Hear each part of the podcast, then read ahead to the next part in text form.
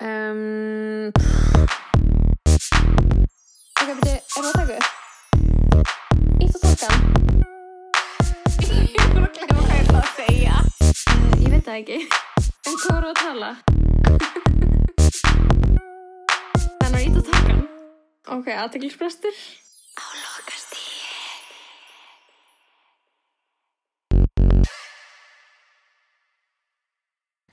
Hæ, Hi bitches! bitches! Velkomin í þennan þátt af aðteglisbrestur á lokastíð. Og við erum peppar. Já, þarna, svo sannlega, ég er svo gýruð. Uh, páskafrí, nýkomin á páskafrí, Þú er gýrið þetta páskafrí, sko. game changing páskafrí. Já. Eða svo sem ekki, en þú veist, það var bara aldrei lægi. Það var mjög gaman. Ég veit ekki hvort það var game changing. Hvað en, gerður þið? Hvað varst að gera fyrir vestan? Um, já, erum við bara að fara beint í það. Let's... Let's go in there. Ok, sko, það sem gerist fyrir vestan hefur, hefur að gera með það að ég sé dottin aftur í pókana, litlu pókana. Uh, Ég er dottin aftur í pókana en ég fór í pingu litla og ég er sjálfsög að tala um nekotín póka. já, en af hverju, þú veist, þetta er þannig mín í liftpókanir.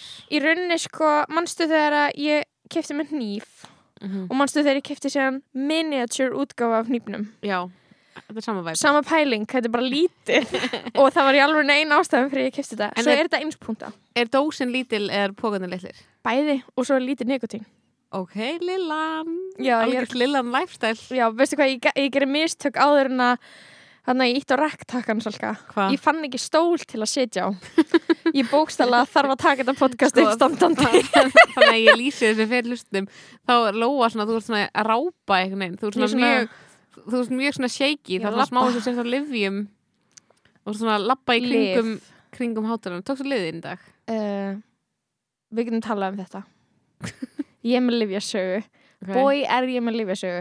Ok, ég fyrst að tala um páskafríðið mitt. Hvernig var þitt, by the way? Var þitt gott? Eh, Það var fínt sko, það var bara, ég var bara heima að chilla og það var bara mjög nýrið og það er ekkert merkvæmt frá því að segja. Á enna páskadag þá fekk ég basically, En þú ert sátt með það samt, skilur já ég Þú svona... ert ekki eina þeir sem er svona Ég er búin að vera nóg heima. I have to get out. Þú varst bara Vá, eitthvað, mér ég vil svo vera heima. á mér. Það er það sem ég lærði in 2020, ég er bara að vera heima á mér og chilla sko. Ok. Og hérna á páskadag þá fekk ég geggjaða vini í heimsók sem ég eitthvað svona bauð eitthvað á close friends, eitthvað vill ekki koma í páskabrann sem ég held að enginn myndi segja já og þeir allir vera eitthvað með fjölskyldunum sínum eða eitthvað en ég Svo er fekk allir bara svona fucking einmanna. svo allir bara fucking engum og ég fekk þú veist uh, tvo single vini mína, já þeir eru tveir þeir eru nákvæmlega ekki fleiri en það Þeir eru bókstala af, af hundrað, þá eru tveir. af á hundra lausu. það er tveir á lausu Tölum um og, hérna, og síðan eitt svona grasekkill sem hann var til ég að koma heim til mín það. Mm -hmm. Grasekkill er mannskja sem er bara eitthvað sem er kærastn hans er í útlöndum við, þannig að hann er, Mm. hann er til ég að eða tí- tíma með mér sem Mm. mm. ég er óslega þakkt fyrir Mm -hmm. þannig að það var óslega gaman Ok, Bara að vera með brönns heima með vinnum og spila og fara í göngutúr. Ég, ég hefði náttúrulega mætt í hann sko, það hef ég ekki farið vestur. Ég vissi, það sem ég vissi, skilur er að þú veist, mér fannst óþægilegt að hafa engin plunum páskana. mm Um, en ég vissi, skilur að það er alltaf eitthvað sem kemur upp á. -hmm. mér fannst bara svo leðilegt að hugsa að skilur, ég, já, eitthvað, ég gæti verið í bænum og það gæti eitthvað skemmtilegt gerst og líka ekki neitt, skilur já, það er alltaf svona smá áhætta sem hún tekur. Uh, það gerði ekki neitt þess að páskagalli sko. er ein einstæð kona einstæð. og ég fór í svona strá, ég fór í strákaferð einstæðingur. um páskana. Mm -hmm. það átti að vera svona, Jón Pétur vinnu minn ætla að halda svona stóra ferð á Núbi í dýrafyrði sem er svona gamli héraskólin, heyrist ekki mjög vel að ég er með lift Jú, Mástu þegar Dr. Fútból var eitthvað að tala um eitthvað neikutindót og það var allir bara deyðu og svo hættan já. hjá hann Hæ. Ég sko mæli ekki með liftu neitt því að þetta fíksum er eða ekki líf mitt þannig að þetta er svona pínu maritafræðsla sem við erum í hérna.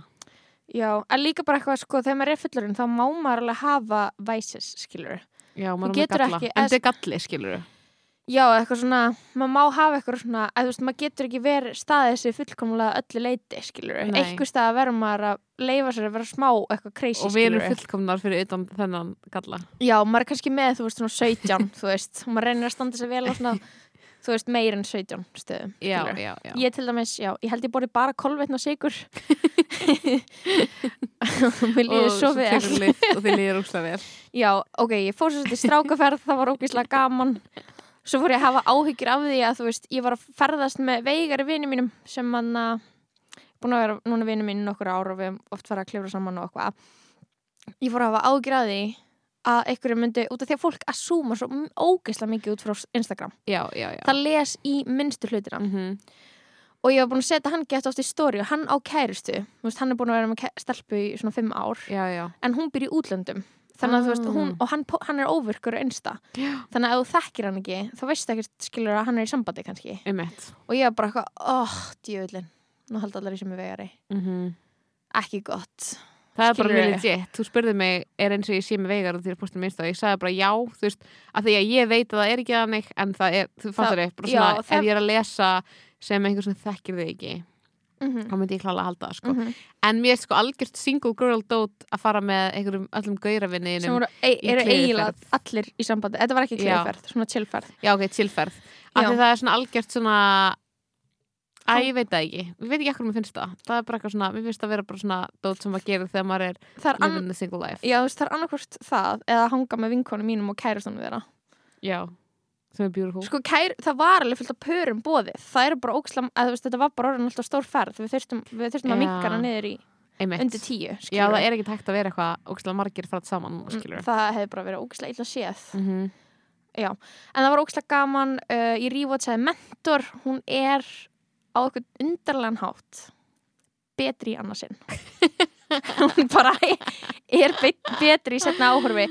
Út af því að þú veist hvað er að fara að gerast. Þér er ekki haldið, þetta er ekki eins og þú veist, þetta er svona eins og horrorhryllingsmynd og þú veist nákvæmlega hvenar hverju degja skilur þannig að þú ert ekki lengur hrættur við það. Þú veist, það er óvunsan sem er hræðileg. Ég vissi bara hvenar ég vissi bara nákvæmlega hvaða kynferðislega undirtóna er spilað á.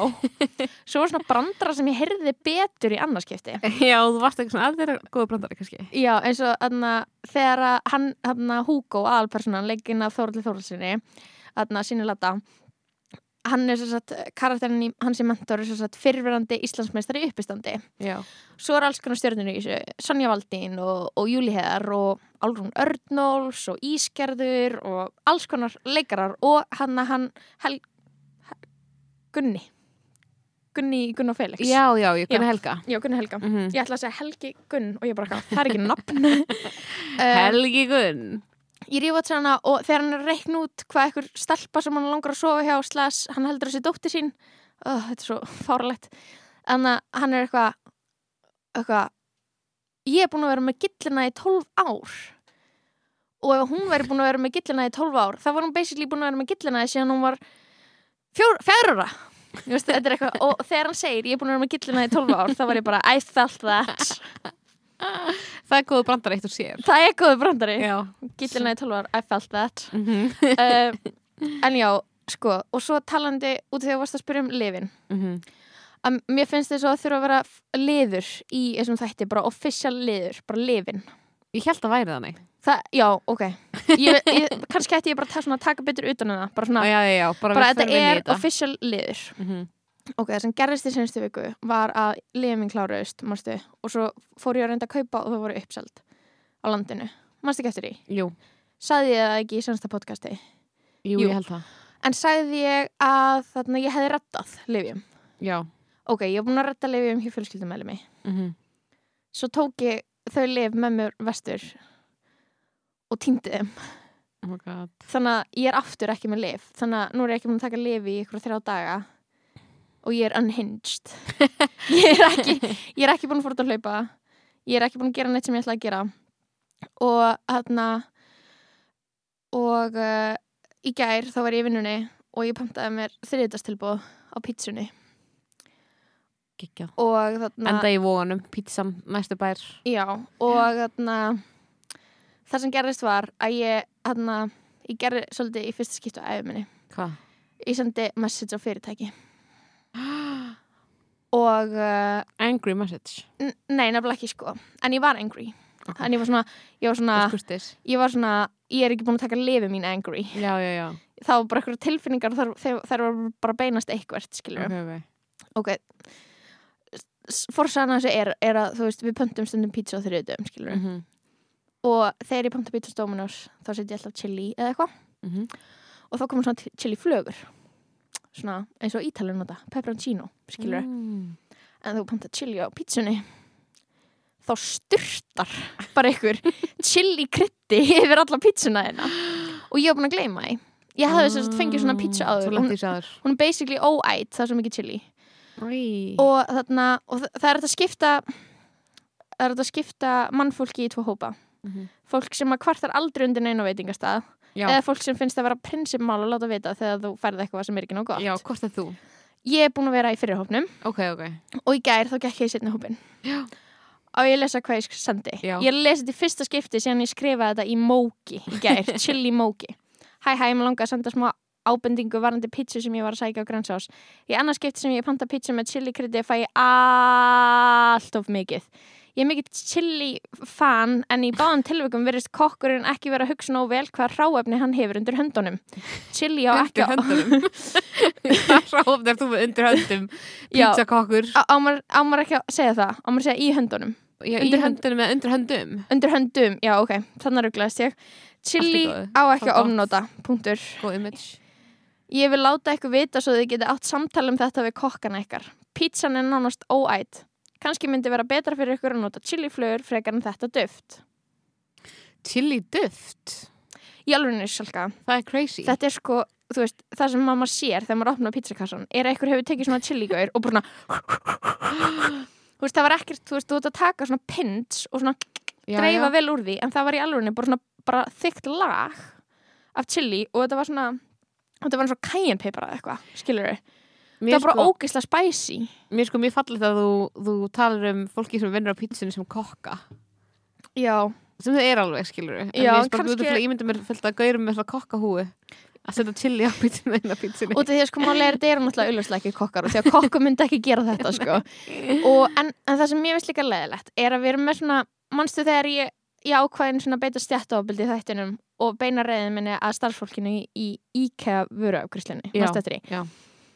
Um, það sem er að gerast er að við erum með eitthvað svona stórfyrirtæki sem ráða fullt af fólki sem er kannski ómentað og hefur ekki áhuga á þessu starfi Mhm. er kannski bara einhverju starfi og það sem að ábyrðin sem fyrirtæki hefur er bara að þjálfa þetta fólk mm -hmm.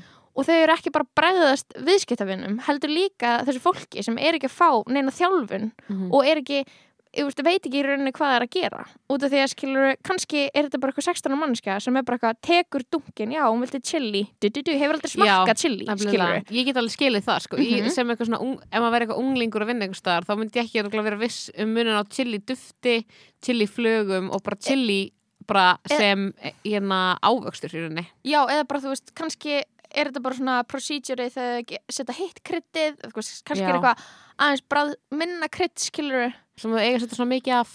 Já, eða, og þú veist, nú, en? og, já. fegstu svar? Nei, það er ekki einu sinni búið að opna ok, þetta er ekki eins og Dominos sem að bara ef einhvern svo mikið sem andar orðið Dominos á samfélagsmiðlum þá er Dominos bara- mætt. Bara, heyrðu, þú fær tíu fría pítsur ég vil í rauninni bara það sem ég vonast til þess að gera er að fara, fara og eigi sér stað eitthvað samtal.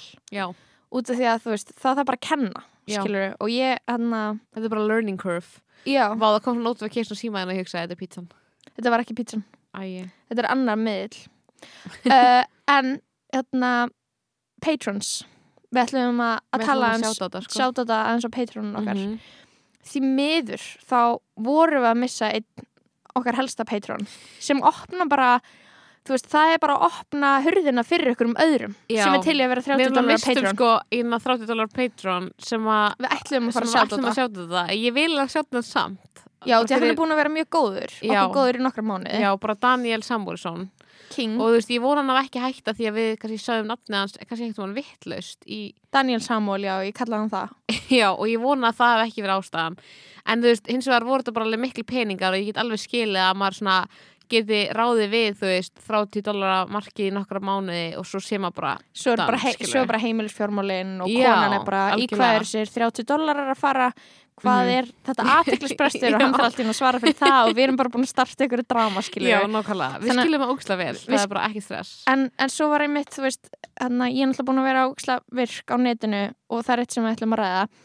En ég stakk upp á því uh, á Twitter í gær, ég er bara aðeins undir uh, fólki á netinu Mhm. þar sem að mér langar að við byrjum að bjóða upp á nýja þjónustu fyrir karlmenn með lá, lá, látt sjálfsálit Mhm. og litlir í sér að, að gerast 30 dólara patrons Já. og við í staðinn svífurðum þá eða við getum bara sagt eitthvað ljótt eða til dæmis svona skilabóðum sem ég var að senda pítsuna ég get, veist, ég get til dæmis farið inn á Instagram mitt og sagt bara þú veist, hana, hvernig þú tekur myndir að þér er fráhrindandi Já. og það býður ekki upp á að mann langi að nálgast þig að tala við þig Mhm. Eða eitthvað svona skilur, þetta er bara dæmi. Eða bara að það er perravæp frá þér eða Já, skeggi ferður já. illa, bara eitthvað skilur Mér finnst líka alveg optional, þú veist, við getum svona móta þetta þannig að þú veist, þú getur rauninni fengið að ráða sem patron hvort að þú færð uh, þessar niðurlægingar í bara svona persónulegum skilabóðum eða, eða í, í þættinum. já, einmitt. Mér finnst það algjörlega bara svona negotiable, það er klálega hægt að það sko. Já, en ég er bara mjög til í að þú veist, að hérna gera þetta fyrir peninga. þú ert til í þetta Já, við hefum Ok. ofta að tala um hvað við myndum gera fyrir peninga og þetta er bara klálega e- e- einn af okkur draumum mm er að niðurlega kallmenn fyrir peninga til dæmi svona fyndom þú veist, okkur er lengi langa til þess að fyndom að gauðra Já. það bara hefur einhvern veginn ekki ég veit, ekki fundið gauðir til þess að fyndom en þá ég er búin að, ég er búin að vera að tala við einn sem hlustur oft á podcastið Ok. og ég er búin að vera að segja við hann að ég er tilbúin að kalla hann badnaperra fyrir rétta upphæð í podcastinu. Já. Og hefur ég, og hann er bara, ég er alvarlega að íhuga ok, að segja já við þessu. Ok, næs þannig að við vitum af því.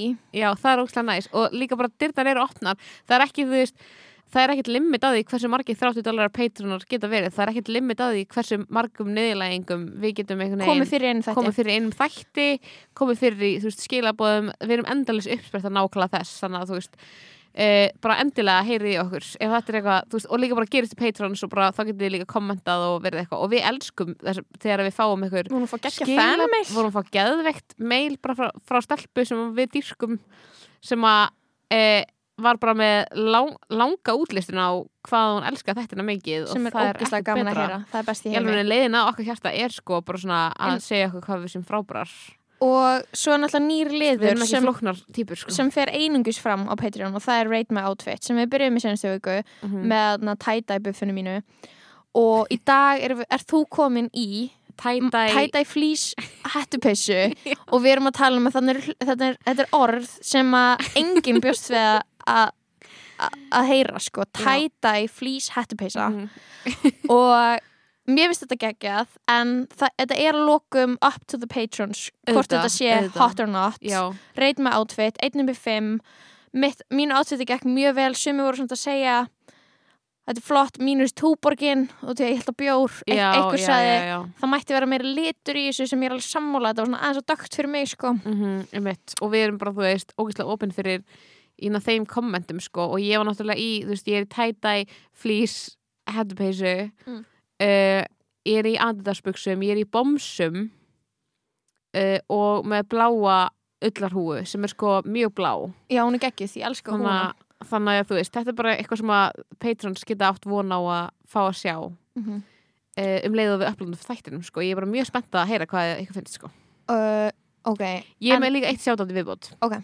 Það var sjátátt á Breyldi sem var 6 ára etru ámali í dag geðvegt til hamingju. Bara Breyldur, Karls. You go girl. You go girl. Six years sober. Karls. Eh, Dóttir Karls, Karls. Ágúst Karlsdóttir. Úlfssonar eh, leikara sem er svona eini ekki perlegi leikara á Íslandi. Það er ekki satt, Salka. Jú. Það er svona eini sem ég er alveg vissum að það er ekki gert neitt slæmt. Þetta er ekki að meina í lífinu. Ég er ekki meina slæmt endilega kynfyrslega bara svona heldur hann hafa bara ekki gert neitt slæmt Einmitt. Hann og Uh, þetta, er, er mjög leðilegt fyrir alla hina leikarana sem er að hlusta og heyri þetta en þetta er bara satt, kannski, mögulega þetta er bara satt og þú veist, það er alveg hérna, þessi hópur non-toxic leikar á Íslandi veist, það getur alveg komist fleiri í en það er, er engin unni fyrir því hinga til En ok, við erum að tala um samfélagsmiðla núna út af því að þú ert búin að vera draðið í hlje hvernig tilfinning er það? sko ég mér leið illa þegar ég vaknaði á lögadaginn, þannig að ég ákvaða eða Instagram. Ok, bold, brave. Um, og Twitter appinu. Og Um, eina appið sem var eftir á samfélagsmiðlunum mínum ekki segja TikTok. það TikTok. Æi, en það er mesta tímaðislan Ég það. það var ekki beint svona tíma þess sem ég var að reyna að komast í burtu frá. Það var meira bara svona, hvað þú ert að sjá bara svona sem hvað ég lát- að sjá e- bara eitthvað sem ég fannst pyrrandi já, er geðhelsan betri? Um, já klálega en þú veist það er vesina ég þarf bara að vera að skoða allt í brásir núna ok, þannig að þú leiðið þér að vera í brásir þú bara eitir að upp svindla honum sko.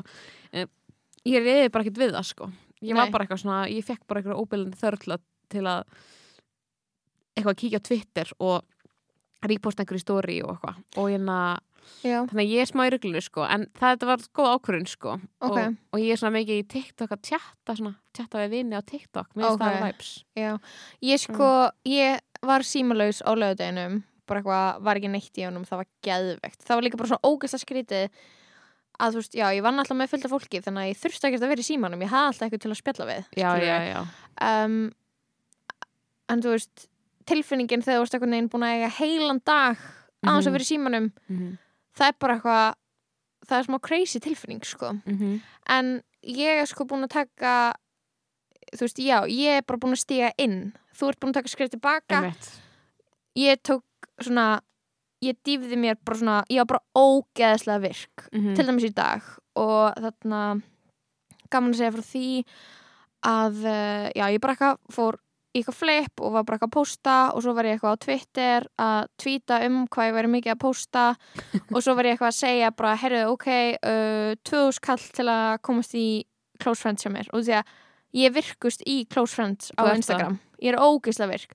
Ég er búin að vera að nota mottufilterinn ógeðslega mikið og fólk er bara eitthvað please fucking hættu með mottuna. Þetta var eins og trúðafilterinn 2019 ég var með trúð, maður eftir, ég var með jokerfilterinn alltaf.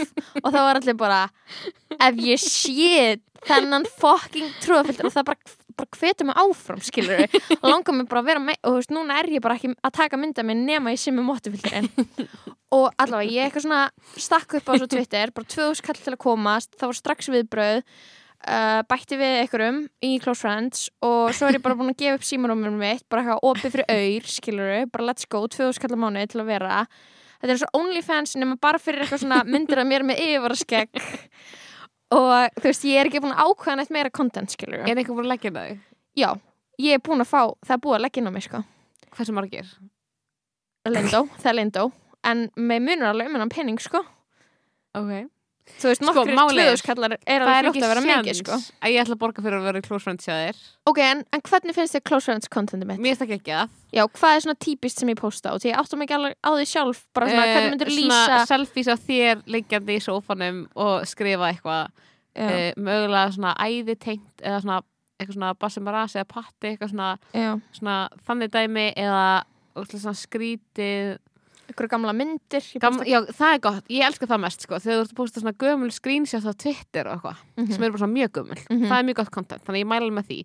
Málega er, eitt sem ég hugsaði með að þú verður að reyna að fá close friends til þess að leggja næg alltaf hann málega fólk er að bætast við close friends, fyrir já, en ég hugsaði bara allir vinninir sem eiga efnaði að borga eitt fúðurskall á mánuði fyrir friends eru nú þegar patrons af podcastinu einu já þannig að ég, það er með mikið content sem að þú ætti bara að vera svona að gefa þeim frítt sem vinkona þeirra. En þú hitta mig aldrei þannig að þau þurfa að borga fyrir það. Sko ég, það er manneska sem er bæði á pay, bá, allir sem eru búin að leggja inn á mig fyrir Close Friends eru líka að leggja inn á mig á Patreon. Já, og mér finnst það segja rosalega mikið og því að mér finnst það bara að vera fólk sem að bara í alvörinni bara, mér finnst þau bara að vera að setja virðing á nafnum mitt, bara þau respekta vinnuna sem fer í podcastið Close Friends Story, Twitter personuna mína, þú veist þau vita bara hvað ég gef mikið að mér og því að ég er the most hardworking Close Friends poster out there. Og ég, ég er búin að vera Twitter í tíu ár núna og ég er bara búin að tvíta 30.000 sinnum. Og það er það eru nokkrar skáldsögur Salka. Mm og mér veist þegar fólk leggur inn á mig þarf að segja hei, ég kannski ekki borga fyrir að sjá fleiri móttu myndi selfie-sæðir en ég er að borga fyrir allt sem ég hef nú þegar séð. Ég er að borga aftur í tíman mm -hmm. og ég er að segja takk. En byrju hvenar er svona leipur sem þú ert að gera? Þú veist, bara svona þú veist, hvar endar þetta? Alltaf bara að rukka mig þegar að þú, þú veist, segir mig fyndin brandara, skilja Ég ætla að vera bara eitthvað, ég ætla ekki að tala í podcastinu nema þú leggir á mig. Nei já, það, þetta er náttúrulega mjög fyndið og þetta er, skilur auðvitað er þetta grín en mér finnst, þau eru takk þátt í gríninu með leggina mig. Já, en sko, strákamáli mín. Let's go. Þannig að það er ekkert að frétta nema það er einhver gún á Twitter sem er alltaf að læka hjá mér og ég er alltaf að læka hjá honum, þetta er gún. Þú veist hvað gún er? Mm. Og ég veit ekki, þú veist, þetta er bara eitt af þeim fjöldamörgu kostum og svona, þú veist bónusum og bara svona það, það, alltaf, það svona gott sem að fylgir því að vera besta vinkona Jóhanns Kristoffers er að gún sem veit hver ég er mm. eða þú veist, þeir eru ekkert endilega en sumir, skilur við mm. hardworking goons Vita djú, sem nafnið. djúpir í bræðralæginu Ó. vita hver ég er, kannski Mhm. og hann allavega, hann byrjaði að followa mig og svo tvíta ég eitthvað svona tjóðus kall til að vera í close friends hjá mér og hann er bara eitthvað ég, ég tek þrjá mánuði og ég adda hann close friends og hann adda mér í close friends herru, kemur ljós að veist, þetta er náttúrulega bara manneska í mentaskóla veist, þetta er bara, þetta er bókstala manneska í mentaskóla mannski að mentaskóla getur lagt inn að þið sexu skall? hann er ekkert búin að leggja inn á mig, skilur við hann er samt komin í close friends Ah, Ok, ok ég bara delete honum eftir viku eða það er ekkert komið, Já, skilur ég bara já, já. gefa smá ég bara Mhm. vera góð bara vera að gera við erum bara að vera gó- góð, skilur Mhm. og þarna, ok svo bara eitthvað sendi vinu minn á mig annar vinu minn, hann bara eitthvað af hverju ertu að tala við þetta gerpi þetta litla gún gerpi á Twitter? Og ég er bara eitthvað uh, bara fyrst að fyndin og hann er eitthvað, ég skil ekki neitt. Og svo segir hann mér að þetta er litli bróðir stelpu sem ég var að leika mig við þegar ég var lítil. Þannig að þegar þessi litli krakki, þessi litli gún var tveggjára Oh var ég heima í honum 12 ára að leika við stórasystur hans. Í alvörunni? Og mann þetta er hún já, ég man alveg eftir hann litla. Litli já, þau eru ógislega lík líka. Og ég var bara eitthvað já, já, ef ég Jæja. væri ef ég væri karlmaður og perri þá væri ég bara eitthvað, mm, þú veist hérna skilur en Já. þá ég er kona, þá er ég bara já, þetta er óþægilegt um, en uh, þetta er skemmtilegt líka. Sko, finnst þetta ekki fyndin tilvöljun? jú, Já, bókstala þekktan þegar hann var tveggjara, skilur það er ótrúlegt. Var það bara- tíu árum yngri en ég, skilur Líka bara sko strákamálin þín. Ég var að hugsa. Mm -hmm. að því að þú eru átt svona mest svona handahófskendast og svona púl af fyrirvændi kæristu sem ég veit ég um. veit að bókstala bara engvað fólk. Og svona engin líkur það er, engin, það er engin líkur típa. það er engin típa nema að vera eitthvað svona þetta er næstu erketýpunar ég ætla að segja erketýpur á því að vera svona jókerinn, riddarinn heimilislega sem er eða þetta er bara svona já Þú veist, það er bara það er, það er engin, clown. Já, the clown, það er engin sem á neitt samilegt Ú, það er mjög satt sko. Og ég Já. fór að hugsa bara svona minn ótti akkurat núna kakast tínum strákamálum já, er að þú byrjar að deyta gauður sem ég þól ekki. Út af því Að er smekkurum minn er farin svolítið þangað núna. Já, að það er bara góða, góða líkur að því sko. Að því að nú varst þú búin að vera hérna, að tala um þitt skoti Jón Ásgeir. Og ég held ekki að þú veist að fara að deyta Jón Ásgeir en svona þetta gefið mér þannig svona ég, að deit, ég vil deita eitthvað Jón Áskjörs orkunni. Já, að Jón Mhm. Ásgeirs orkan sé það sem þú ert að leita að mm og það sé bara svona að fara að æna að valda mér vandræðum sko í framtíðinni. Já, þú veist, ég er komin á þann stað núna Salka, að gaurar sem að eru andstæðan við allt sem þú fílar Já. í fólki mm er núna það sem ég hefist heitt ég veit það. Bara, ég áttum að Þú veist, ég- ég- akkurat þessu sko. ég kom með svona geðast mikið obsession fyrir rapparann Daníl mm og hann er, þú veist, eitthvað, hann er 17 18 ára. Ég tengi ógislega lítið það akkurat. Já, og Mhm. þarna og þarna lægi hans uh, þarna stór Audi sem hann gerir með Nico. Audi það er stór bíl púla upp í púla upp í Audi, getur ekki sagt neitt. Audi það er stór bíl stundum á Audi en ekki alltaf á Audi. Ó Það- guð. en, en svo er hann geggjaður í sumlugum eins og flýja nótt með Joey uh, leðublaka ég leðublaka um nótt. Þú veist, hann er bara bestur, skilur þú ert ekki sald en já, ég komin inn í þess að djúpu sko, hann að gún uh, svona fjár finance dudes um, já, ég er að leita að fara við mig sko. þú ert að fara að deyta einhvern gaur sem er með þess að Jón Áskers kann, kann í verst ég man ekki svo hvernig ég sagði ekki þetta einu sinni. Ég var akkurat að drekka vatn og særða ég var næstu að frussa yfir hann. Kanye West ég, ég ekki hendi þér út. þú þarfst að milli fara á mig. þú sem? Kanye Kanye Kanye Kanye Já, viltu vita hvernig maður segir þetta í alvörunni? Já. Kanye. Kann ég Kanye. Best. Nú er ég farin að hugsa sko og þegar við tókum hérna heilan þátt um White Boy Summer og, ég var, og það sem ég saði að það væri lægi að hvítum aðeins talaði. Já, patva og nú ert þú að vísitandi bera fram vittlust nafn svarts manns bara eins Nei, frægasta alls svarta ekki manns í heim vísundandi Ég Jú, var ekki að grína er sjálf svona Já, ég veit, ég veit þú ert núna að gera grína þér en ég var eitthvað svona, ef við pössum okkur ekki svolga þá erum við bara racist, sko, þá erum við bara mjög Já, hál- já, já, veistu hvað ég við, Já, ég það. það er eitthvað svona, ég kann ekki segja nafnið. Veistu hvað, þetta er bara svona til að og líka fyrir mig, ég er náttúrulega þarf, þarf, þarf aðeins að redakta hlut sem ég var að segja sem það heiti Þú þarfst að gera það. Já, og svo við, við erum ekki með einhver KKK vibes en það skilur við Nei, máli er að það sem ég var að reyna að segja var að ég myndi ekki hvernig ég hafði sagt þetta. Já, ég veit, ég veit, Og en þú sagði kaní Ég sagði kanívest kaní, þú sagði þetta eins og finnsk finnsk, finnskur myndhögvari, kaní En þetta er komið, þetta er svona moment eins og þegar ég var alltaf að segja Arrested Development vittlust og svo náði ég að þjálfa mig að segja rétt. Hvernig sagði það? Arrested Development. Arrested Development, ég man eftir þessu. Oh my god, okkur varst að rifja þetta upp fyrir mér? Og, hérna, Ve- og þá var það komið, komið út í að ég svona Development. gat ekki sagðir devel, Development. Development.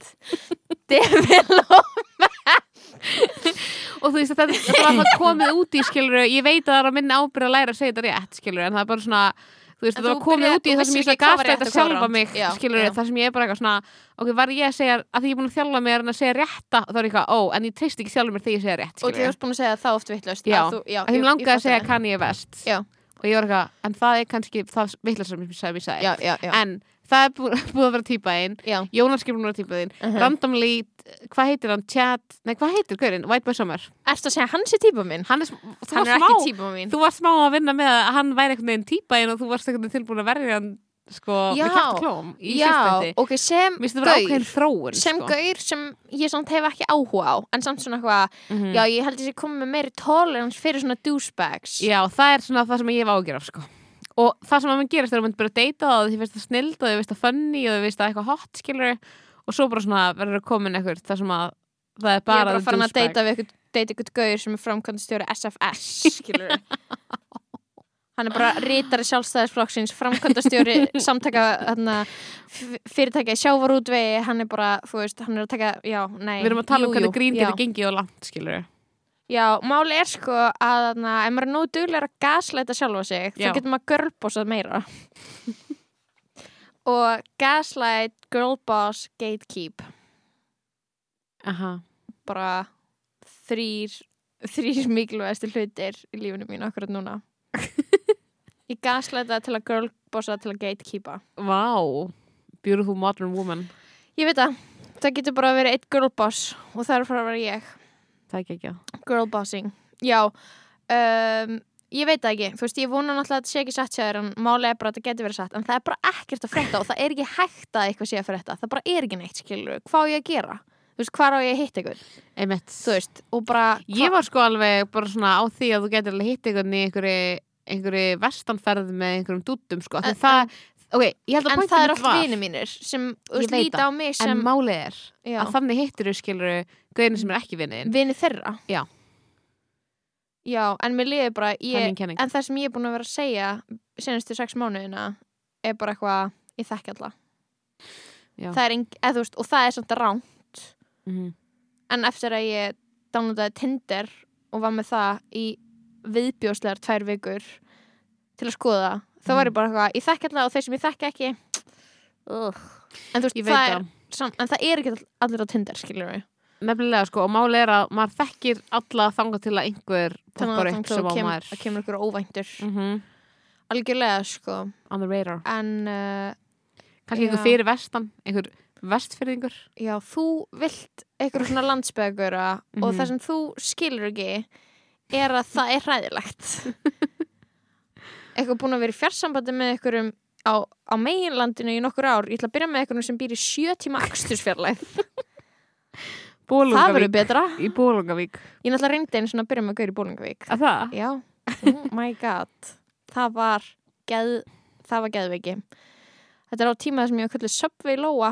Gæti ekki verið minna appealing hjá augum Karlmanns og ég var ógeislega full og ég var bara eitthvað, ég er ástfangin að þér. Hann bara eitthvað hann, bara, hann bara stóð bara gapandi bara faðir að þessari konu Reykjavík? Uh, það er svo hot. Já, svo hitti ég hann svona 700 sinnum eftir þetta. Og þetta er svona þrýr bræður þeir eru allir mjög heitir, þetta er svona þrýr heitir bræðirnir á Bólingavík uh, Ég skal segja betur frá því eftir þáttinn. Og get ég sýndir það á einsta en þú kannski, þetta er svona típisk gauri sem þú myndir fíla, svona landsbyðar hotness Ú, ég er all for that. Mm -hmm. Ég sakna hérna bæn, bænda hérna snapptessins Ungu bóndi, Ungu bóndi. Hvað segir ég, bóndin? Ungur bóndi var bara thirst traps fyrir mér sko. Já, það er fucked up. Ég ætla að setja, ég ætla að láta screenshot af ungu bóndi fylgja með Patreon í dag svo að fólk geti séð hvaða menn vor, var að finna hann inn á Ertu með screens á ungu bóndi? Já, fullt. Ég var bara grimma screens. Þú veist að ég Salka, þú veist að ég er með archives Þú af archives. Mér veist sko að þetta að vera sapkostur á þjóðminnasáttinu ég, veist, ég, og ég er, ég er bara ég er consistently búin að vera að taka screenshot frá því ég fekk fyrst iPhone.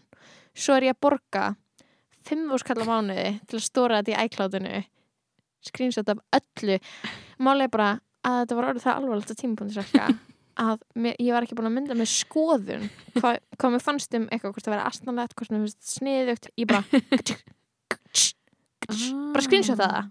Ég bara screenshot og bara gemdi skilur og svo, og svo, öðl, svo kemur eitthvað svona annað væp yfir þetta þegar þú opnar þetta fimm árum setna Já, þú ert bara eitthvað, var hann að segja þetta skilur, veit að það er svo slúður from the past. Gils þegar að ég setti það í stórum daginn þegar gils tvítaði eitthvað, engin tann fyrir sumar hashtag fríða nippul og ég var bara oh my god. Úff. eða þegar NFFI nefndafélag Vestlunarskóla Íslands tvítaði þið getur verið eitthvað, eitthvað svona um fríða nippul stelpur ætti bara að vera stoltar og ætti all, ættu allar að mæta berra ofan í skólan á morgun. Ég var bara þetta er það versta en sagan hefur leittað í ljós hversu aðstæðan þetta er hversu mikið við fórum fram úr okkur í fríða nippul hversu, hversu svartu blettur það var í raunin á íslenska feminisma Fríðan eitthvað geðveikin. Þegar, va- þegar s- það var allt bara herri já, brjóst. Og það voru allir eitthvað svona ok, já, ég hérna peppa það, þú veist, og vissi engi, það voru allir bara ekki að stressa þér og svo voru allir bara alltaf til brjóstamyndum og það voru einhvern veginn Einmitt. maður, örugglega bara dagur B, bara áfram stelpur og það bara einhvern veginn verður allt svo ógeðslega Og- perralegt svona Já, nokkrum og árum svona seinna. gett banal og, og líka það er svo thirsty Mhm. að bara vera gauð sem er bara hvað ég er stoltur af ykkur bara, bro, já, þegar þú varst að sjá svona þúsund brjóstamyndir af öllum gælum sem þú þekkir Á, uh, Það var svona eitthvað svona tími í sögunni þar sem að gaurar voru eitthvað svona til í að engagea við feminisma og það var svona og mér liður þess að sá tími sem bara liðin mhm, mhm, mm, mhm. það er bara ógíslega þykir hallarslegt að vera kallfeminist í dag. Mm -hmm. þannig að Becky Másson var að tvíta fyrir í gæ- í gæri komin svona einhvern mjög kryp, fyndið hringi í þessu. kryptoríkur karlfeministi. Og ég var bara ég fekk svona ég fekk svona djúpan hroll En ég, sko. hug, ég hugsaði líka bara ok, ég var að sjá vídeo og það var sko geggjuð hérna, þú veist Sigmar á Rúf er með geggjaðan þátt sem heitir okkar á milli Jú. á Rúf og þess að síðasti viðmælindi í okkar á milli Já. hérna, er þessi stelpa sem er bara 22 ára og hún er frá Sómalíu Akkurat, ég sá þetta og hérna hún, byrju, hvar er þetta akkur er þetta svona ógæðslega eitthvað, já hérna. Já. Hérna, að stelpa sem heitir Næmó og hún var, sem sagt, hún er 23 og hún var þvinguð í hjónaband 11 ára gömul í Sómalíu og flúði til Íslands, Oh kom my 16 God. ára og hérna uh, áslögurni eða hver sem að var þú stórsmálaður þá tókst greinlega ekki að að hérna, henda henn úr landi. Þau eru Ok. örgla reynd hérna, núna er þetta anti, anti-úl eh, podca podcast í hverri viku en hérna og bara ógíslega klár stelpa og bara ógíslega þú veist, bara svona getur geðvegt svona vel sagt frá einhvern veginn uh, gett svona skýra sín á allt sem hún hefur lendi og eitthvað, bara gett áhvert lust að hann tala Já, einmitt. Ég Og- horfði ekki á þetta en ég sá þetta og ég ætla að horfa á þetta. Já, ég sá bara klippu þar sem hún er að tala um í rauninni, hún er geðt svona að tala um hvernig, þú veist uh, kallmenn ættu að, þú veist, vera að engagea við eitthvað svona Hvernig er þetta bara þetta? hvernig þetta bara þetta, þegar við erum að tala um bara svona mest basic svona er hvernig þetta bara þetta sem svona allir að geta verið sammálum þvinga ekki hjónaböð, nöðga ekki já, the basics. the basics. Og hún var að segja eitthvað svona, já, þú veist, ég fann fyrir því að, þú veist, kallmenn fara í vörd þegar ég segi eitthvað þið þurfum að hægt að gera þetta. Þess að börn í hjónabönd, skilur og eitthvað. Já, ok. Og, uh, og hún var eitthvað, já, þannig að ég fór meira að tala um þetta og bara ég fattaði bara, þú veist, að, að við viljum ekki verða eitthvað tvær stríðandi fylkingar, kallar konur, skilur og, já, og síðan bara svona eh, er hún að segja eitthvað, já, og uh, en þú veist, en þannig ég segi frekar við bara menn sem ég tala við bara, þú veist, þú ert alveg upp í auðvitað fættistu ekki með þessar hugmyndir, skilur um eitthvað kvennlutverk og kallutverk, þú veist bara Mhm. þú fættist ekki með þau, þetta er alveg upp í þetta samfélagi sem að elur þetta upp þetta er bara, hún er bara með hugmyndir um skilur samfélagsmótun skilur Mhm, sem að gerir, þú veist kalla að kvennhauturum skilur mhm. og þetta er bara flott klippa og ég bara mæli með að horfa á þetta viðtal skilur en ég, það sem að ég fór smá að hugsa um var að það er einhver 300 kommentan og ógislega mikið að lækum. Já. og er fólk allir að segja allir að peppa, allir að segja æðislega stelpa og var konar klára og eitthvað. Það eru bara konur sem kom já, já, já, bara konur. Það eru engir kallar bara já, þetta er rétt bara auðvitað ætti við að fattur hvað ég meina, ég hugsaði bara horfðu kallar ekki eins og á þetta þú veist, hafaði bara engan áhuga en geits og ég er að tala um bara svona almenning á Íslandi skilur við, bara engan áhuga á að tjá sig eða peppa einhverja unga konu sem er að tala út frá sinni reynslu af hræðilegu misrétti. Mhm. og myndi ef til vill gera það ef þetta væri bara eitthvað svona ekki kynja tengt, þú veist, ég veit já, það ekki. já, já, ég, en ég hugsaði bara svona, vá, við erum bara svona það, það er staðan núna, er bara svona engin gaur er til í að tjá sig um eitthvað feminisma nema þorstöðni í karlmannskan já, í rauninni, En- og það er ógæslega líka problematis að sé bara ein manneskja. Já, já, um, en þú veist það sem ég, ég verið að hugsa þegar þú talar um þetta er að þú veist, ég held að hann að sé bara spila ótti mjög stjórn hlutverk, það er bara svona óryggi ótti skilur við, mm að, na, að vilja ekki vera svona male savior, að líka finnast þú ef, að þú svíkja þitt eigi kyn, skilur að þú sett að taka þú veist, að þú sett að vera eitthvað, á einhvern hátt einhver kökk, skilur ef þú bara tekur undir eitthvað svona sjónamið, skilur og, sem er svo weak. og mér finnst bara, þú veist, þannig að mér langar bara að vera með svona ákall út í að það hlusta náttúrulega margir kallmenn, skilur og ég veit alveg að þeir sem kallmennin sem hlusta á þetta podcast eru kannski seinustu sem þurfa að heyra þetta, já, já, þeir eru nú þegar eitthvað að hlusta á okkur og, þarna, og við erum ekki beint eitthvað svona eitthvað girl boss podcast skilur að tala ítlum norðu kóru en þú veist það sem væri svo geðið er að stráka myndi hætta að stjórnum svona mikið að óta og bara þóra skilur að láta þetta sér varða og tala og reka sig á veggi og segja stundum eitthvað Mhm. vittlust skilur Mhm. bara svona svo maður þarf sjálfur að neyða sig til þess að tala gegn rasisma en ég Einmitt. finn líka alveg að þú veist til dæmis þegar það er eitthvað umræði í gangi á netinu þá finn ég bara svona ég ætla ekki að, að taka pláss í þessari umræði einmitt, já, að- sem er en- bara skiljanlega svona nefnilega. Já en svo samt líka bara eitthvað af hverju, hverju tekið samt ekki pláss þegar það skiptir máli þú veist? Af hverju, af hverju þurfa alltaf bara þú veist þarna bara POCs á Íslandi að tala? Af hverju get ég ekki líka Já. bara að tala þegar það skiptir máli? Og þá alveg mikið með þú veist svona kalla móti konum dæmi er að skilja stundum væri bara næs þú veist, í einhverjum aðstæðum félagslegum aðstæðum, það sem að einhver er að vera leðilegur eða einhver er að segja eitthvað bullshit Mhm. bara eitthvað sexist bullshit að í staðin fyrir að stelpan í herbygginu þurfa alltaf að taka umræðuna. Einmitt. Að bara gaurin getur sagt bara eitthvað hætt, eitthvað, eitthvað gaurina getur bara sagt við vinn sinn og levela bara hættu þessu fokkin bulli. Mhm. þetta er þér og tekið já, já, og það það, þú veist og gera það bara skilur já, bara gera það út af því að þú veist, strax svo þú ert búin að gera það þá atna, veitir það öðrum líka sjálfsögur held ég til þess að bara gera það. Mhm. Það er þú veist, svona þegar þú bara eitthvað það er bara svo sorglegt að þú veist einhvern veginn gaurar sé ekki til, til í að tala líka bara svona út frá þú veist sinni stöðu í samfélaginu bara svona auðvitað affektar það þá að þú veist það séu aðri kallmennan úti sem var bara eitthvað bókstæðlega að þvinga börn í hjónaband og bara þetta er, þetta er eitthvað sem allir er sammálum skilur en einhvern veginn fá bara finna konur sér bara knúnar til þess að vera eitthvað svona peppis að stelpu en líka er ég bara að hugsa um svona eins og eitthvað svona vandamál sem eru svona sem við Íslensk. talaðum á, áður skilur eins og þú veist, staða stráka í, í skólakernu og eitthvað svona dót já, bara þess að strákar skilur finni bara eitthvað, ég ætla að tala um þetta en ekki fara í stríð við hvernréttinda baratu Mhm. heldur segja, taka bara undir og segja bara eitthvað, ég hef fundið þetta á mínu eigin skinni ég hef orðið vitni af úgislega toxic fótboltastrákamenningu, Einmitt. ég hef orðið vitni að þú veist, að bara eitthvað mér finnst ég þurfa að hafa mig svona svona svona til að vera sterkur og bara eitthvað, mér lir illa með það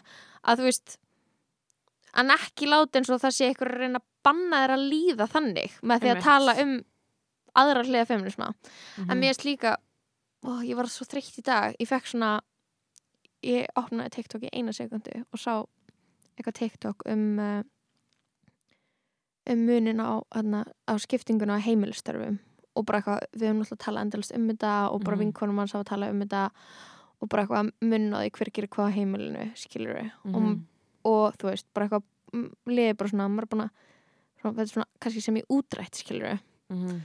og ég sá bara eitthvað þú veist, eitthvað teikið var, skilur við að, ég, að fá samvinskupið yfir því nöldra Mhm.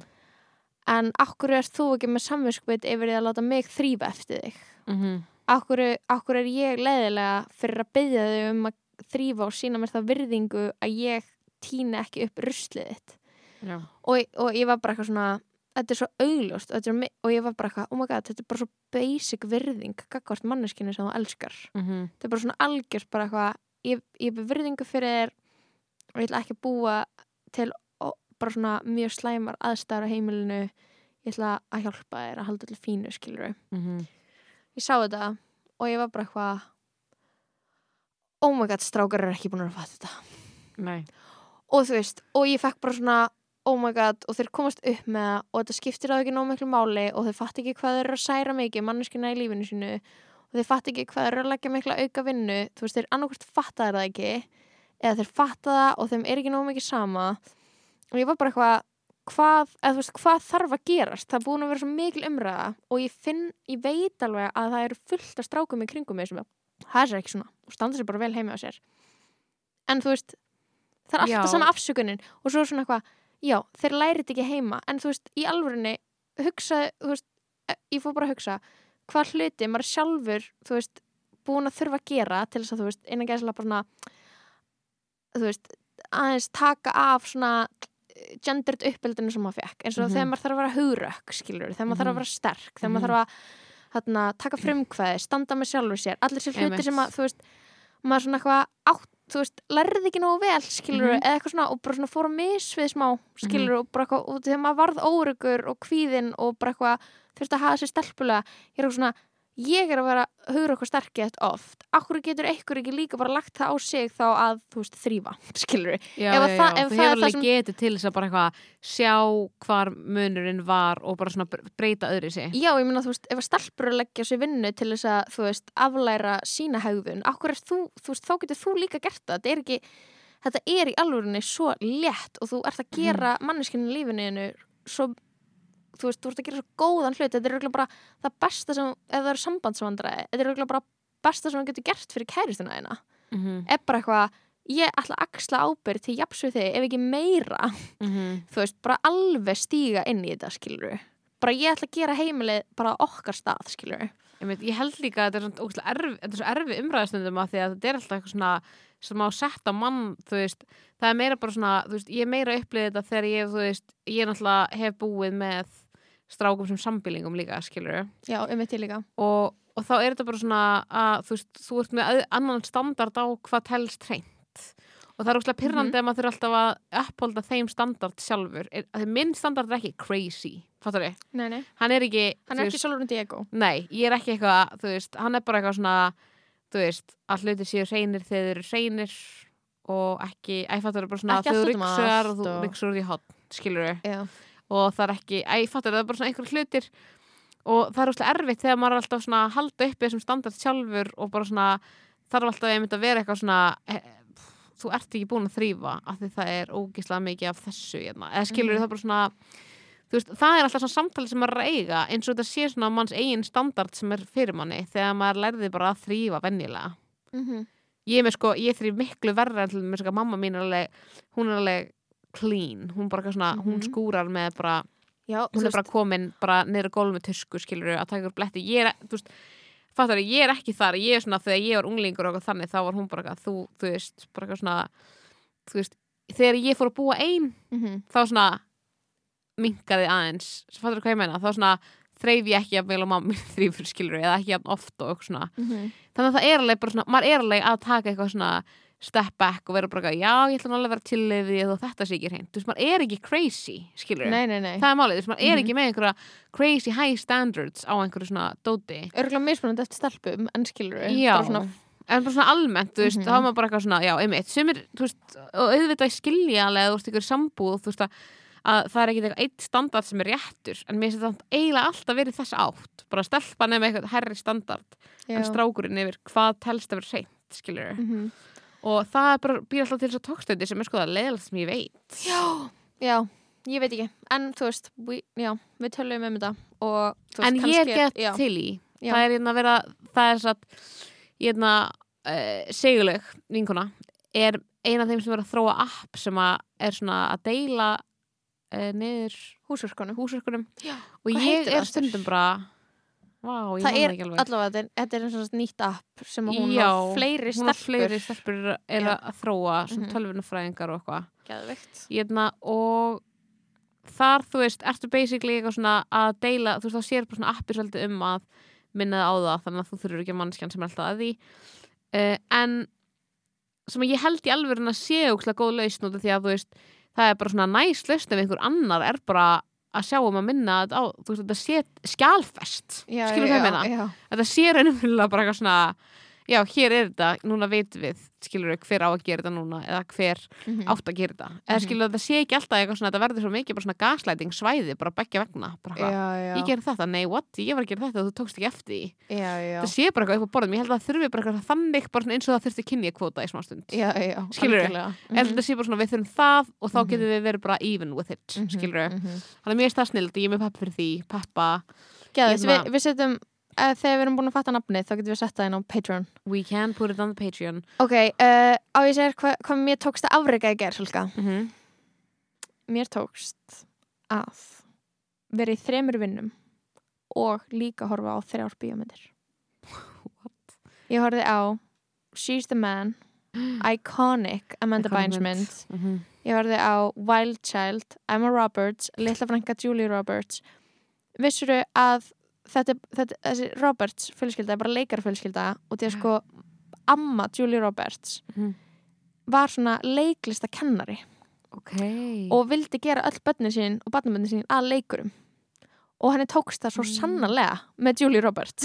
Og svo hún bróður Eric Roberts sem er líka geggja leikari og svo er mitt frænka þeirra litla Emma Roberts sem leikur aðalpersona í Wild Child og hún er geggjuð.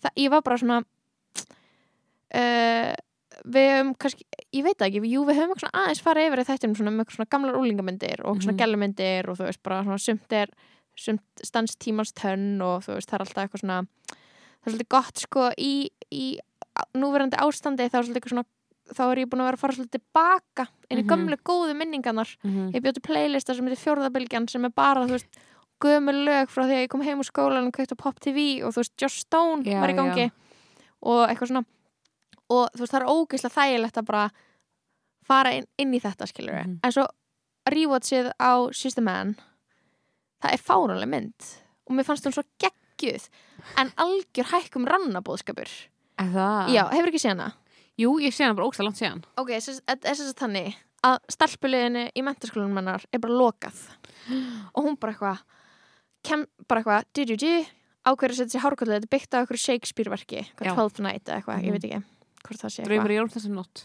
Nei, er það? Ég held það. Nei, þetta er ekki það. Jú. Ha? Jú, að því held það, því held að það sé svona allir þessi love triangles sé byggt á það. Byggt á því, vá. Byggt á það. Ok, veitu, faktum þetta. Í beinni. She's the Í man. Ok, directed by bla bla bla uh, nei, Shakespeare's Night Já, play 12th Night það er ekki Já Man- ok, ok, það, ok. er, það er ekki aðna, það er ekki Midsummer's Night. Já, ok, það er einhver það, er eitthvað annar leikrit. En jú, algjörlega, það er náttúrulega eitthvað ástæðrýrningar og confusion og eitthvað. Mm. allavega, Kannski er það bara eitthvað svipað vibes. Vi Viola Hastings og hún skiptir um skóla og ákveður að mæta sem bróði sinn sem er akkurat í London í tvær vikur. Mm. og það sem er svo pyrrandi já, bóðskapurinn er skilur að hún fá að keppa við strákana og því hún er svo góð og Mhm. það er bara ógæslega ósangett að liðin hennar hafi verið lokað og Já, hún já. fá ekki spila með strákunum og hún er veist ekki eitt góð ok, bókstæla eitthvað brána bókstæla hækkun rána nema það sem er svo ógeðslega pyrrandi við þessa mynd en líka það sem gerir hennar svona ógeðslega fyndna er að hún er bara minnst sannfærandi stráku sem til er. Hún er alltaf bara hey dude, yeah bro, broski, brethren. Og þú veist, hún, hún set límir eitthvað gerfi barta á sig og setur eitthvað hárkollu og ég er eitthvað svona Amanda Bynes, scriptwriters to make a point. Okkur klift hún ekki bara hárið sitt af? Og þú veist, og svo er hún bara eitthvað svona þú veist, bara, og þeir allir trúi að hún sé strákur og svo verður eitthvað stelpa ástfangin af henni og, og love interesti hennar er þú veist Channing Tatum. Minnst hann ekki hot og mér fannst það þegar ég sá þessa mynd fyrst. Gerði ekki mikið fyrir mig. Um, og uh, það sem er pyrrandi er að þú veist það er ógeðslega mikið svona homofóbía í þessar mynd. Og þegar Mhm. skilur Amanda Bynes sem strákurinn verður svona smá skotin í görnum mm. og alltaf allt sem eitthvað svona smá fyrir yfir línuna í eitthvað svona intimacy dæmi bara svona geðað litli hlutir þá er Channing Tatum alltaf svona eitthvað uh, what the fuck og liðið svona gett óþægilega og hann getur ekki tala um tilfinningar sínar og hann getur bara tala við stráka og það er svona eitthvað neginn þú veist, hann er bara svona geðað heitur hann getur aldrei tala við stelpur en svo treystir hann því að þú veist heldur að Amanda Bynes sé strákur þannig að þau fara að tala djúft og maður er bara eitthvað uh, og ég var bara gargandi yfir þessari mynd. Oh my god. Ég var bara eitthvað af hverju, eða þú veist og það var, það svo steikt að þú veist, maður hafi horta á þetta og verið bara eitthvað svona, og þetta er svo mikið pepp líka, mm hún er bara bæði góð og slæm, skilur já, já, það er algjörð pepp bara eitthvað, hún verður síðan góð í fótbolta. Mm og allt það sem er svo ógeislega fyndið út frá svona fótbolta í sjónamiðinu, er að þú veist þau sökka öll í fótbolta.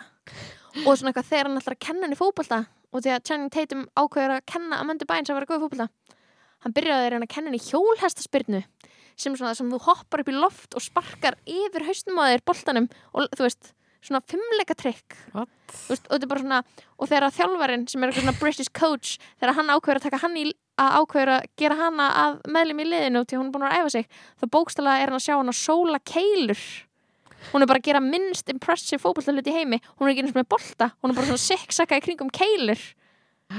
Já ok, en, en Wild Child hún var geggjuð, en svo horfði ég á Late Night. Þú hefur kannski séð hana með myndi Keiling. Hún er á Netflix. Nei, ég ekki sé hana, er hún góð? já, og því að mannstu, hefur við ekki talað um Ellen DeGeneres? Jú ok, Eða mennur í potinu eða í lífinu? í lífinu eða potinu, ég veit það ekki allavega Ellen DeGeneres, það var, það var eitthvað svona skandal með hana og því að hún veist bara svona ógeðslega toxic boss Já, já en hún er eitthvað svona, þú veist uh, er eitthvað svona kona í gríni og svo er hún bara Mm. algjör grippa skilur við og bara, e, bara ógeðslega leðileg Devil Wears Prada já, bara ógeðslega leðileg undirmenn Og the sína og eitthvað svona du, du, du. mm -hmm. og þessi mynd, hún er með svo ógeðslega svona geggjað accurate svona stef úr bara bandariskum talkshow host talkshow heiminum, skilur við allir sem að, allir í rætirsrúminu eru hvíti kallmenn frá Harvard, skilur við Mhm. og Mindy Kaling er ráðin inn sem eitthvað svona diversity hire og bara svona allir árekstrar, allt svona, þetta er bara svo ógeðslega realistic Og myndi Keiling skrifa þetta? já, geðveikt uh, og þetta er geðveikt fyndin mynd og það, þú veist, bara svona mynd, myndi mig líka geðveikt á þarna morning show. Já, vá hvað ég ætla að horfa á þetta. Og þarna, Og Emma Thompson leikur tussuna já, og geggja vel leikinn. Og líka það sem er svo ógeðslega beautiful er bara eitthvað að girlbossið mm hún er, þú veist, á, á sama tíma og manni finnst hún verst Já, þá, þá næri þessi mynd að fara með mann á eitthvað svona stað þar sem maður er líka bara eitthvað sympa þessa með henni. Já, já, og þetta myndi mig geðið mikið ástæðan fyrir að ég, mér veist þessi mynd svona trúverðug og ég, þú veist, gatt svona eitthvað lifa mig gett inn í hana. Þetta myndi mig gett á þegar ég var að vinna fyrir svona girlboss mm. sem að þú veist, einmitt bara eitthvað var ógeðslega leðileg ef að henni leið illa og bara þú veist, allir, og þú veist, var algjör svona stjarnan og bara dyruru, skilur mm -hmm. og þarna og svo er þetta bara eitthvað manneskja sem er bara eitthvað þunglind og bara búin að vera, þú veist, á fullu að grænda Mhm. og maður er eitthvað, já, þú veist uh, hún þú veist, hún er hörð og harneskuleg en það er líka bara svona smá það sem að hún verður að vera, skilur við, á okkur hátt Já. uh, allavega þetta er geðvikmynd Ok, ég að hún á Netflix sjálfurni hún er á Netflix, Ok, þetta er góð mynd á Netflix ég skil ekki, það er mér er eins og að væri verið að gasleita mig sko. Já, en vá, við verðum líka að tala um aðalmyndina. Almyndina sko. Sem þarna, við köllum í þetta pot til þess að ræða. Við gerum það sko. Og við erum svo sannlega búin að halda fólki á tánum með því að býða fram á mínútu 59 til að ræða aðaltopikið sem er Promising Young Woman. Já Hei, bara heads up að ef þú vilt ekki heyra spoilera um Promising Young Woman þá tölum við alveg mjög uh, mikið um hana bara þar sem restin er á þættinum fyrir utan kannski svona síðustu tvær myndunar hehe, sorry, en bara horfa á hana. Ok, ég horfði á hana fyrir einn og hálfri. Þú ert nýbúin að horfa á hana, eða ekki? Ég horfði á hana í gær. Já, uh, nefnir, fyrir dag í fyrra dag og þú veist, þetta er, og mér var stókla næs að ég ákvaða að bara veit ekki neitt um hana. Ég Já. vissi bara að, vissi að Emerald Fen Fennel sem sem að skrifaði og leikstir í myndinni mm og hún er tilnænt til Óskarsvöluna fyrir handritið og produksjónuna og mm. leikstjórn. Og þetta er held ég, held hún sé fyrsta kona sem er tilnæmt sem leikstur ásins í, í Óskarnum fyrir þú veist fyrstu myndina sína. Og, og svo er Carrie Mulligan að leika sem er þarna ein af sýstrunum í Pride and Prejudice mm. aukaðinni skiptir ekki máli, ég er bara Pride and Prejudice fan. Já. ok. Og, og hún leikur aðhluturskið mjög vel. Mhm. ég hef aldrei verið hrifin af þessu leikonu. Ekki, þannig að ég, var, ég var pleasantly surprised. Gekkja ég hef bara ekki verið hrifin af mynd ég er ekki periódi gæla sko. Ok. Og þar Well, skilja leiðir. Well I am. Hérna og, og hérna, þannig að það, það er svona eina sem ég vissi að væri, hún var heldur svona critically acclaimed eitthvað svona Já, og hún er hún væri um eitthvað svona smá edgy subject. Mm um, við ættum að setja inn hérna að fólk, spoiler alert. fólk maður veit ekki spoiler að það er að spóla hérna sko. já, uh, og mér fannst þessi mynd sko stundum var ég eitthvað að ég held mér finnst þetta ekki það góð mynd. Og stundum var ég eitthvað að þetta er geðveikt. Já. Og svona eftir myndina þá var ég bara eitthvað vá ég fór bara í gegnum bara svona allan tilfinningaskalan á meðan ég horfði á þessa mynd. Já, fannst þér hún ekki fyrst góð? Jú, mér fannst hún góð, svo var ég eitthvað hún er að droppa, eða svona, they're dropping the ball. Já, já, Skilurðu? já, já, ég veit, já, út af því að þegar hún verður ástfangin. Já, ok, einmitt, ok, sko þetta er sem sagt gælla sem að er bara eitthvað, þú veist að það er eitthvað slæmt búið að gerast í fortíðin hennar þú Mhm. veist samt ekki hvað, en það hefur eitthvað að gera með best vinkun hennar og þú ert svona frekar frekar vissum að, að hún hafi lent í kynþursóbild og dreipið sig. Ég var bara svona eftir svona fimm mínútur, þá er bara það er það sem gerist já, það er ekki beint sagt strax en þú Nei. veist, þú bara svona Það er aldrei sagt berum orðið í myndinni. Nei, en þú bara svona, maður átt að segja á því út frá samhengi. Já, og hún er með eitthvað svona bók og það er eins og hún sé að gauruna.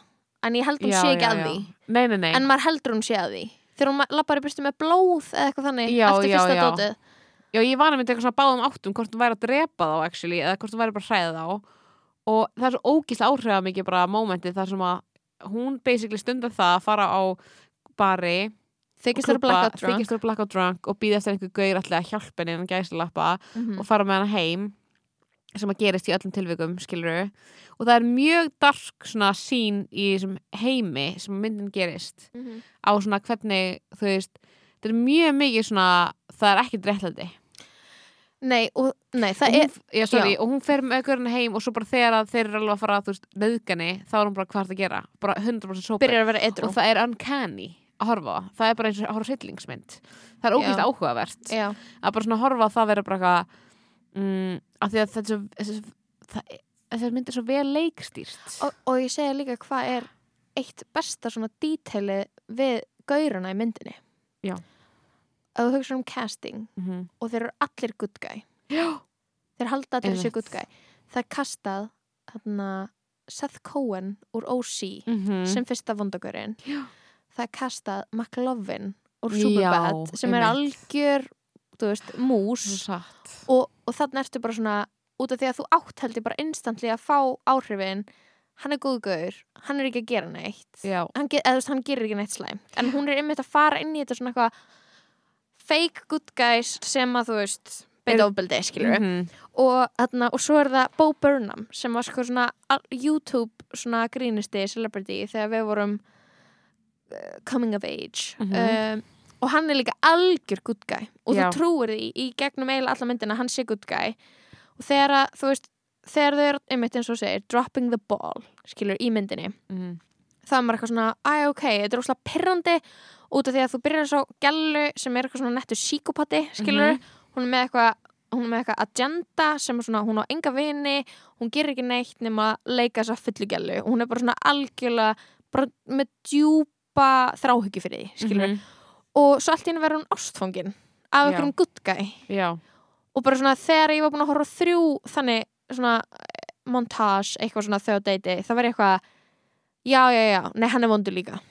Já, já, það var, já. ég var eitthvað svona, æjá, þetta er ekki að fara að endast joke, það er bara að vera að fara að láta, mig halda að þetta sé að endast út af því að hann ávaldin vombrun líka.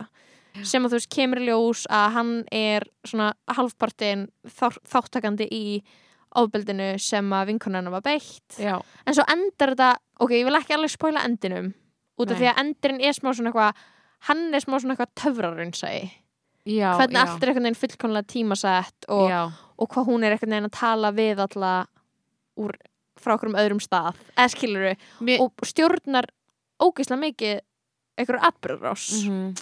og það er ógæslega skemmtilegt mér er skemmtilegt við þessa mynd hvað mm, það er ógæslega mikil einhver svona smá svona surrealismi í einhver svona dóti. Og svona Já. smá stundum er eitthvað svona væpið eins og þetta horf hryllingsmynd og stundum er væpið eins og þetta horf romantíska gámynd Já, og stund, stundum með væpu svona eins og í Ladybug eða þú veist, Já, eða já. eitthvað svona þú veist eins og þegar þau sitja þegar hann Lady kem- nei, Ladybird, já, Já, er nei, já, já, Ladybird. Uh, eitthvað svona uh, eins og þetta sé svona arti New York Já. vibes mynd þú veist það sem sitin í stofu og bara mamman, nei, þarna hárgræslu konan úr Legally Blonde leikonan og Mhm. mamman úr þarna Cinderella Story svona, ég man ekki hvað leikona heitir það?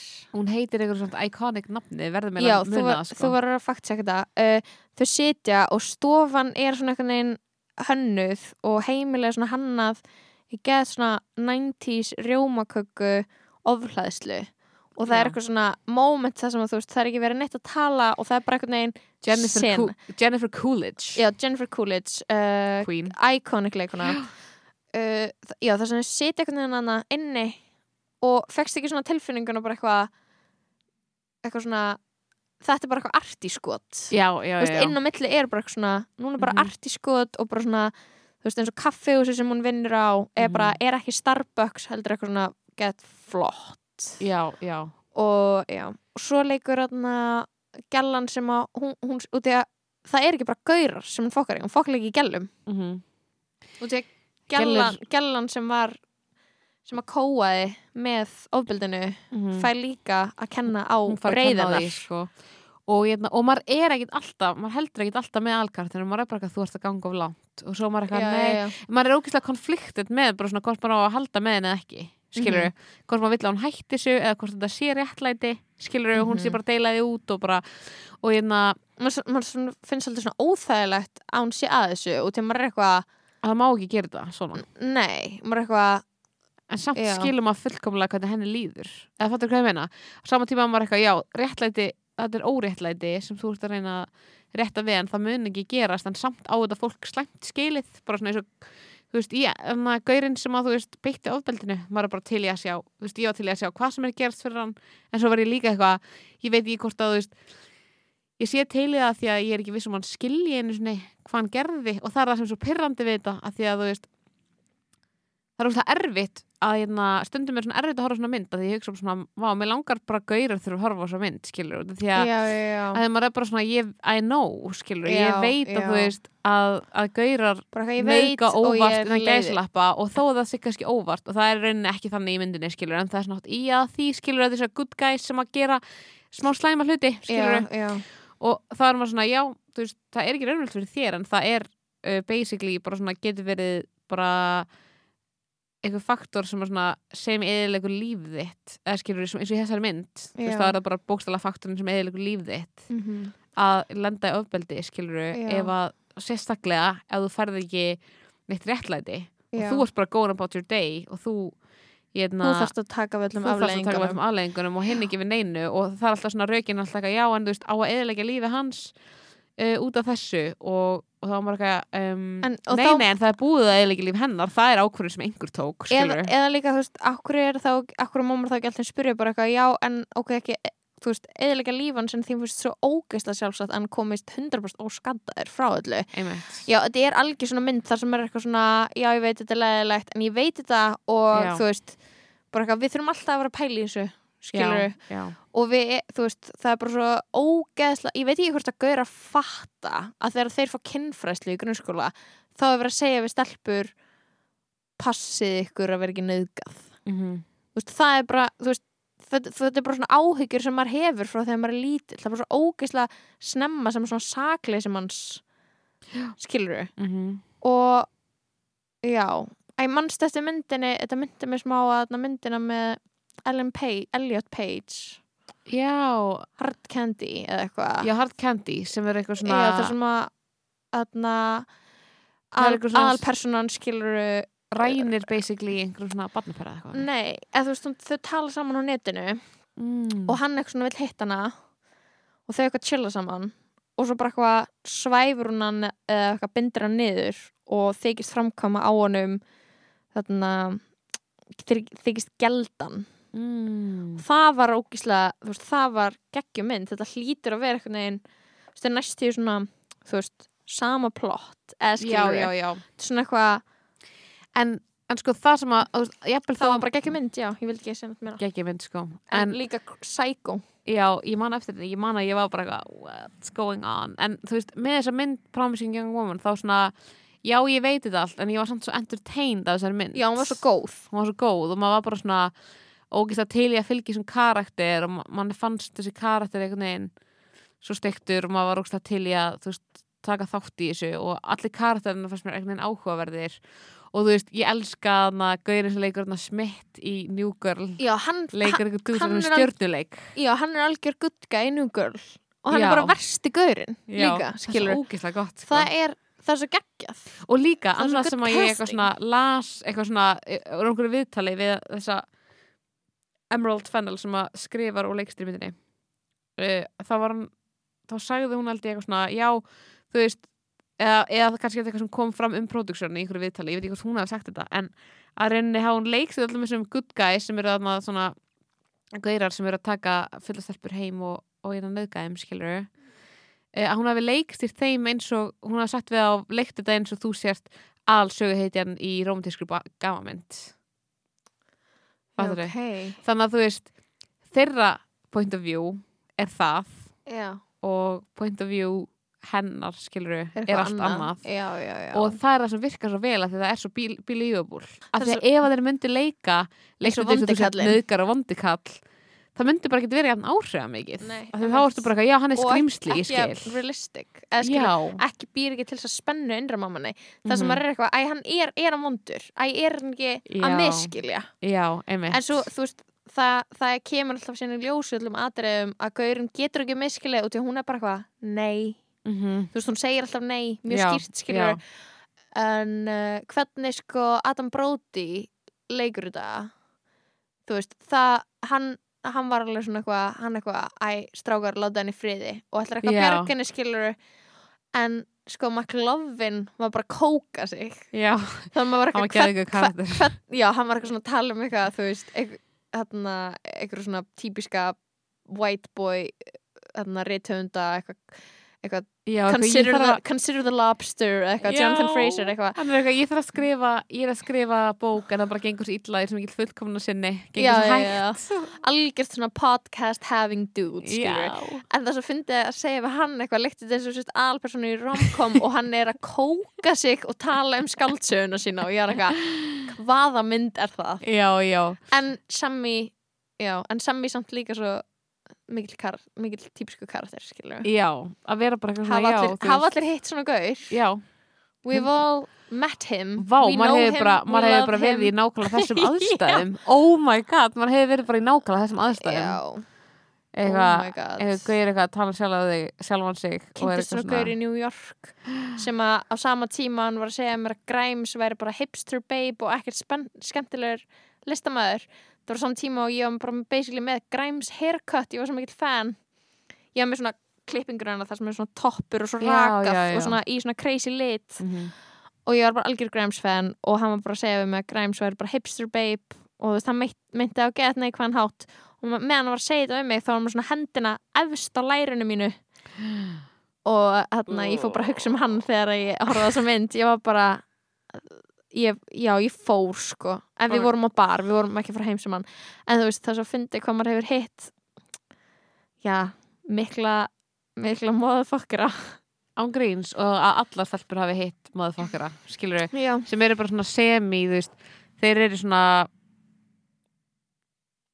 þeir eru svona encounterar það sem að svona þú þarft að skilgjörna fyrir sjálfa þig hvort að það sem gerðist er lægi ekki skilur við og stundum er bara Mhm. auðveldra að flokka það sem í lægi mm -hmm.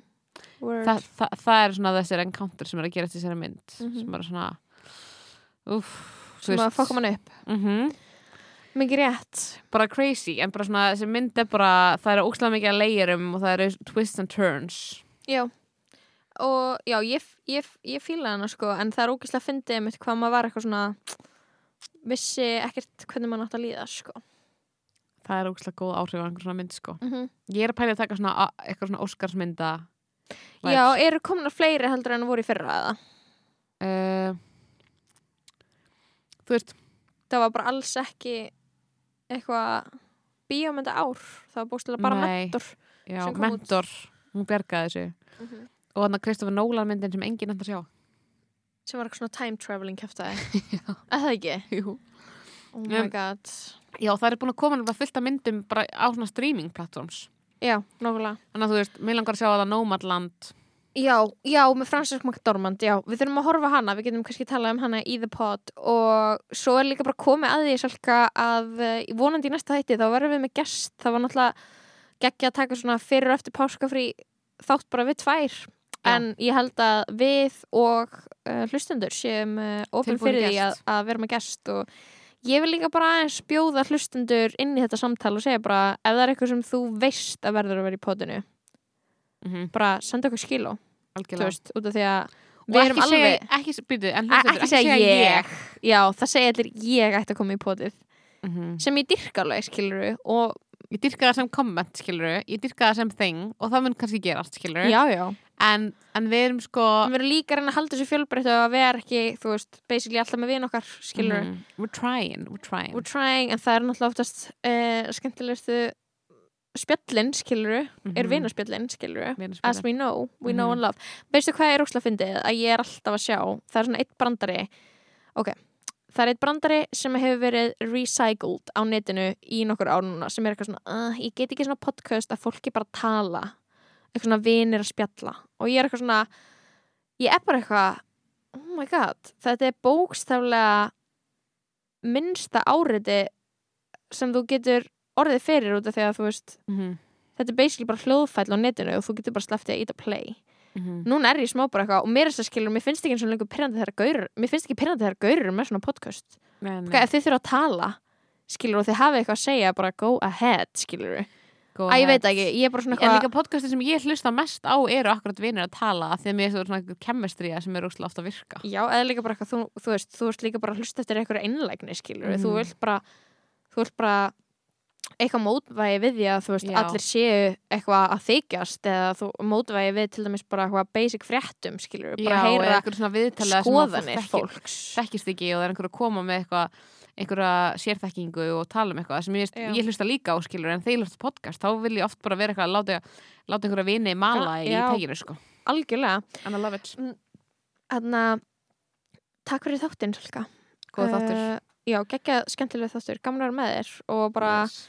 gott að þú komst heil út úr þessu páskafri og bara gangið er áfram vel að, að Já. vera samfélagsmiðlalaus. Já, það gengur ekki nógu vel Ég ætla að reyna, Ég ætla að halda áfram að, að, reyna sko ég ætla að halda áfram að ganga ennþá lengra. Ok, Ég ætla að, Áfram að, ég ætla að vaða áfram já, í blindni og bara einhvern veginn fokka mér upp á miðlunum. ég fýla Gersanlega. Power to ya Já. Ok. Bye. Bye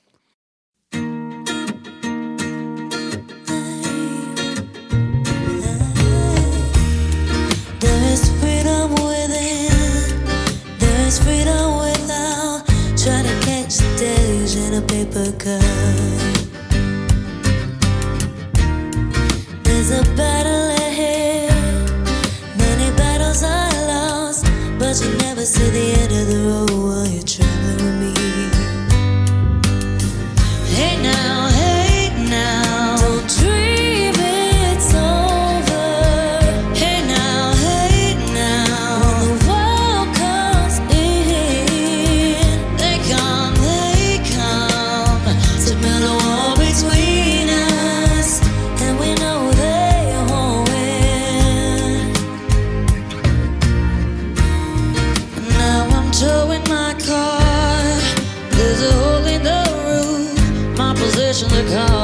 suspicion, but there's no proof.